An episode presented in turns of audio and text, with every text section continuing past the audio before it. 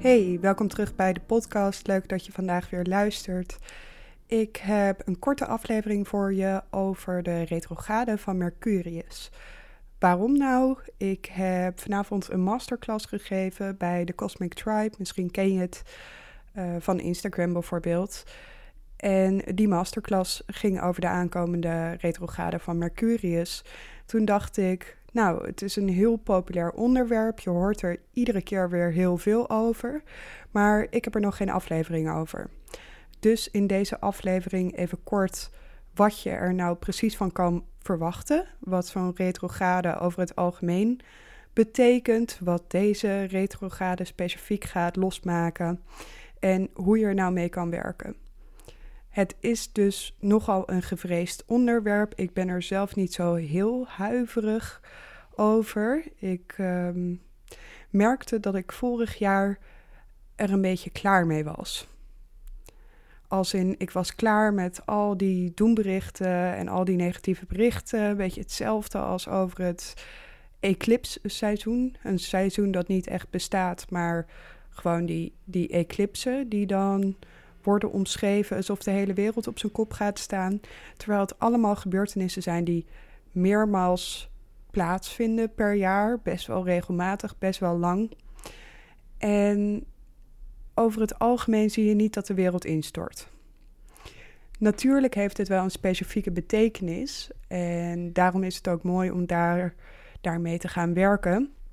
Want vooral als je specifieke plaatsingen in je eigen horoscoop hebt, dan kan je die retrograde meer merken dan andere mensen.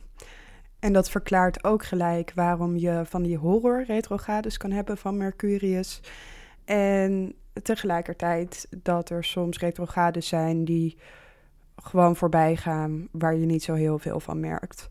Dus ik heb vaak het idee gehad dat ik er niet zo heel veel uh, last van heb.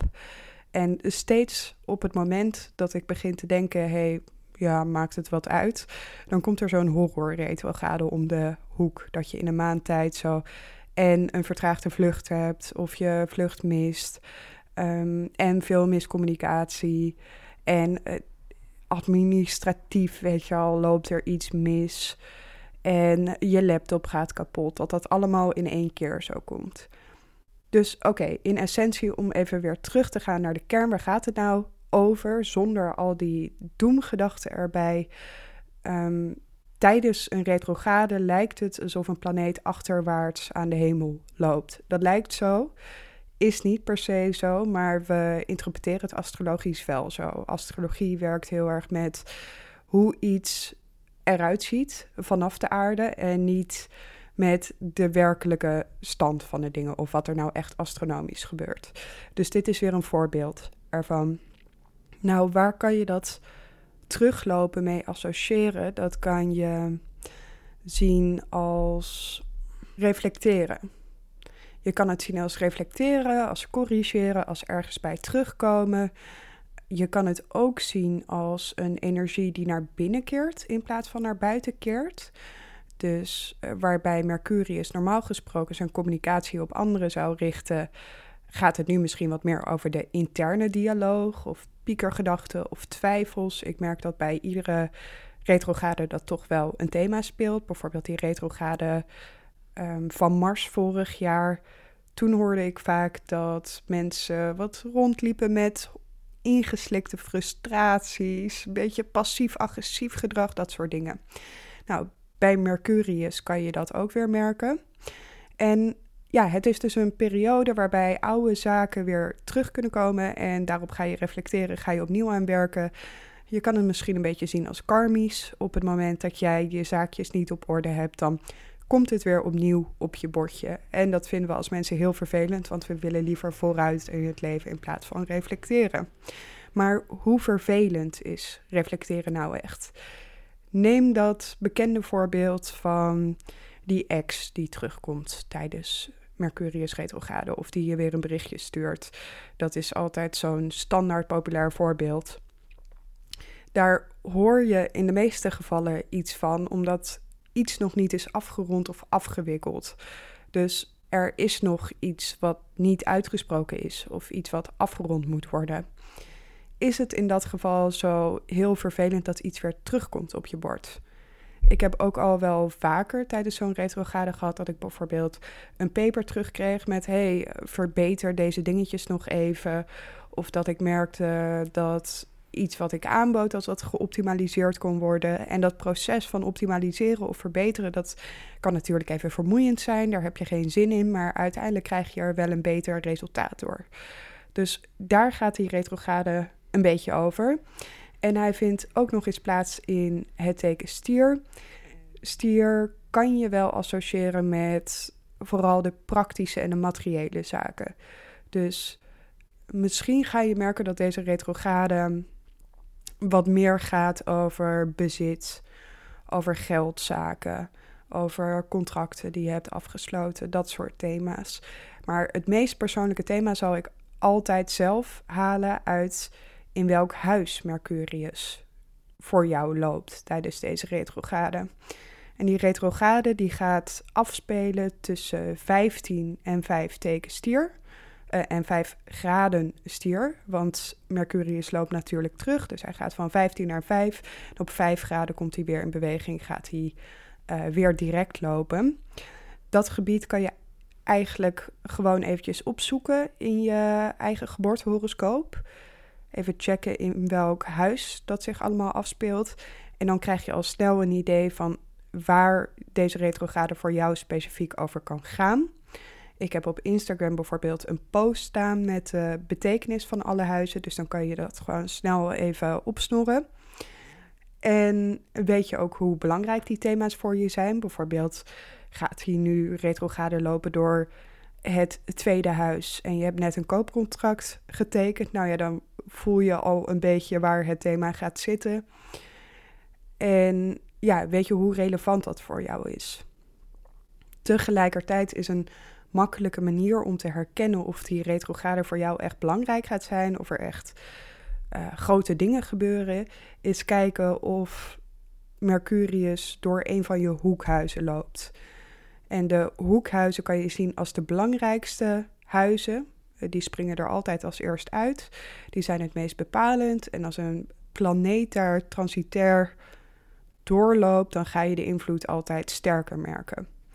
Dus dat zijn de huizen 1, 4, 7 en 10. Ook echt de hoeken van de horoscoop. Vandaar dat ze, ja, de hoeken zijn in de astrologie altijd sterker energetisch beladen ook. Daar gaat meer energie van uit. Terwijl de andere huizen wat, dat wat minder hebben. Uh, dat is weer stof voor een andere aflevering misschien. Maar ja, kijk dus even, is het een gevalletje huis 1, huis 4, huis 7, huis 10? Dan kan je hem sterker merken. En dan ook gelijk het antwoord op de vraag waarom sommige mensen uh, Mercurius retrograde echt als de man met de hamer ervaren. En andere mensen denken, ik heb nergens last van. Dat kan te maken hebben met het teken van je ascendant. Uh, want als jij bijvoorbeeld een tweelingenascendant hebt of een maagdascendant, dan is de heerser van je ascendant of de heerser van je horoscoop Mercurius. En is praktisch gezien Mercurius dus de belangrijkste planeet voor jou. Dat betekent dat als Mercurius iets geks doet of iets schokkends doet, dat jij daar als eerste de invloed van gaat merken. Dat dat, dat jou eigenlijk het sterkst treft. En dat is heel flauw, want Mercurius gaat natuurlijk vaker retrograde. Um, andere ascendanten kunnen ook te maken krijgen met lastige aspecten naar de planeten waar zij dan weer mee te maken hebben. Maar dus bij mij is dat bijvoorbeeld Pluto, want ik heb een schorpioen ascendant en klassiek gezien ook Mars. Nou ja, die retrograde van Mars vorig jaar was ook echt niet niet leuk voor mij. Of tenminste, aan het eind was ik het zo zat. Ik merkte dat ik lager in mijn energie zat, veel gefrustreerd was, niet zoveel gedaan kreeg als ik zou willen. Veel van die dilemma's die maar door blijven etteren en waar geen duidelijk antwoord op komt. En ja, het, het was gewoon een beetje geëmmer en er kwam geen duidelijk antwoord op. En het ging maar door dus ik was ontzettend blij toen Mercurius weer direct ging lopen. En ik ben ook nog nooit zo. Toen Mars weer direct ging lopen, bedoel ik. En ik ben ook nog nooit zo blij geweest met Mars in het teken kreeft. Terwijl dat oorspronkelijk niet de meest positieve plaatsing is. Maar ik had er echt zin in. Maar goed, dus heb jij een ascendant die verbonden is met de planeet Mercurius, tweelingen of maagd, ga je hem altijd sterker merken. Dus dat is ook nog even een goede om te zeggen. Verder zijn er allerlei theorieën over wanneer je hem wel of niet sterker zou merken. Volgens mij was ik een paar jaar geleden nog helemaal van de theorie dat als je zelf onder de retrograde van Mercurius bent geboren, dat je minder sterk zou merken.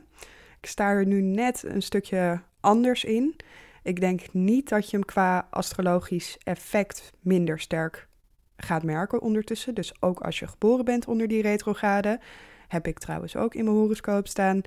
Dan ga je merken, wat wel het ding is, is dat mensen die geboren zijn onder de retrograde van Mercurius vaak al wat chaotischer zijn in hun manier van denken en ideeën bedenken. Ehm, en wat beter met chaos en verwarring en verstrooidheid om kunnen gaan of kunnen dealen, omdat dat er een klein beetje bij hoort. Ik wil geen grote uitspraken nu doen voordat uh, er iemand komt met een uh, super gestructureerde Mercurius in steenboek, maar dan wel retrograde. Maar dus ik denk dat je hem astrologisch niet zozeer dat het effect gewoon weg is, maar dat je misschien wat meer mechanismen hebt om ermee om te gaan, omdat je de invloed kent. Dus dat was even kort over de aankomende retrograde. Dus belangrijk, ja, hij heeft effect. Het is een reflectiemoment. Je hoeft niet te doemdenken, want die scenario's die altijd worden genoemd, die vinden daadwerkelijk zelden plaats eigenlijk. Ook besteed er vooral aandacht aan als dit aan je eigen horoscoop raakt. Dus hoekhuizen bijvoorbeeld, of een maagd- of tweelingen ascendant. Maar laat het ook lekker weer voorbij gaan. Als je denkt, joh, we zien wel. Dat ga ik in dit geval lekker doen. Hij komt bij mij wel door een hoekhuis, maar ik, doe gewoon alsof het niet gebeurt. En ik ga vrolijk door met mijn leven. Dus dat wilde ik je even meegeven over die retrograde van Mercurius. Ik doe trouwens zelf ook niet aan iets van een um, retro shade. Weet je wel, dat je een soort voorperiode hebt waarin Mercurius al langzaam gaat lopen en dat je het dan al een soort van merkt. Of een periode erna. Want dat zie ik echt puur als een manier om dramatische events op te rekken. Om altijd een excuus te vinden waarom dingen slecht gaan. Dat is net zoiets als dat eclipse-seizoen in mijn ogen hoor. Want dan maak je ook opeens van één happening op één dag een heel seizoen. Um, maar goed, of andere mensen het daar nou wel of niet mee eens zijn, zo, uh, zo sta ik erin. En ik uh, probeer nooit een te groot iets van te maken. En als je dingen op de planning hebt staan, um, doe ze gewoon. Als je kan kiezen, stel ze even uit. Bijvoorbeeld lanceringen of grote aankopen. Uh, als het heel veel gedoe gaat opleveren om dat te verschuiven, um, doe het gewoon. Ik heb ook vaker gelanceerd onder Mercurius retrograde en is dat prima verlopen. Dus um, het hoeft allemaal niet zo'n ramp te zijn. Oké, dat was mijn korte boodschap voor vandaag. Ik wens je alvast een leerzame retrograde van Mercurius en ik zie je bij de volgende aflevering. Oh ja, en even een klein puntje. Mijn readings staan weer open, dus mijn één op één readings. Uh, die kan je nu zien op mijn website. En ik heb dat een aantal maanden niet gedaan. Nu merk ik dat ik weer een soort heimwee heb en dat ik het wel weer leuk vind om daarmee aan de slag te gaan. Je kan tegenwoordig ook uh, ter plekke met me afspreken in Amsterdam. Uh, zit ik in een, uh, op een locatie in Amsterdam Zuid aan het Vondelpark. Nou, hele fijne plek vind ik zelf. En ook als nieuwe klant kan je boeken. Ik weet wel altijd dat als ik dit deel, dat ik denk, ik hou die agenda gewoon open. En op den duur is het gewoon vol en moet ik het toch wel weer dichtzetten. Um, want ik, je wil nooit te lang vooruit plannen. Maar ik dacht, ik heb het alleen nog maar in mijn Instagram stories gedeeld. Dus nu deel ik het ook even in de podcast. Als je altijd al een uh, geboortehoroscoop of een jaarvoorspelling bij mij hebt willen boeken, dan kan je dat nu doen via indesterren.nl. En dan vind je hem onder consulten. Oké, misschien tot binnenkort. Doei!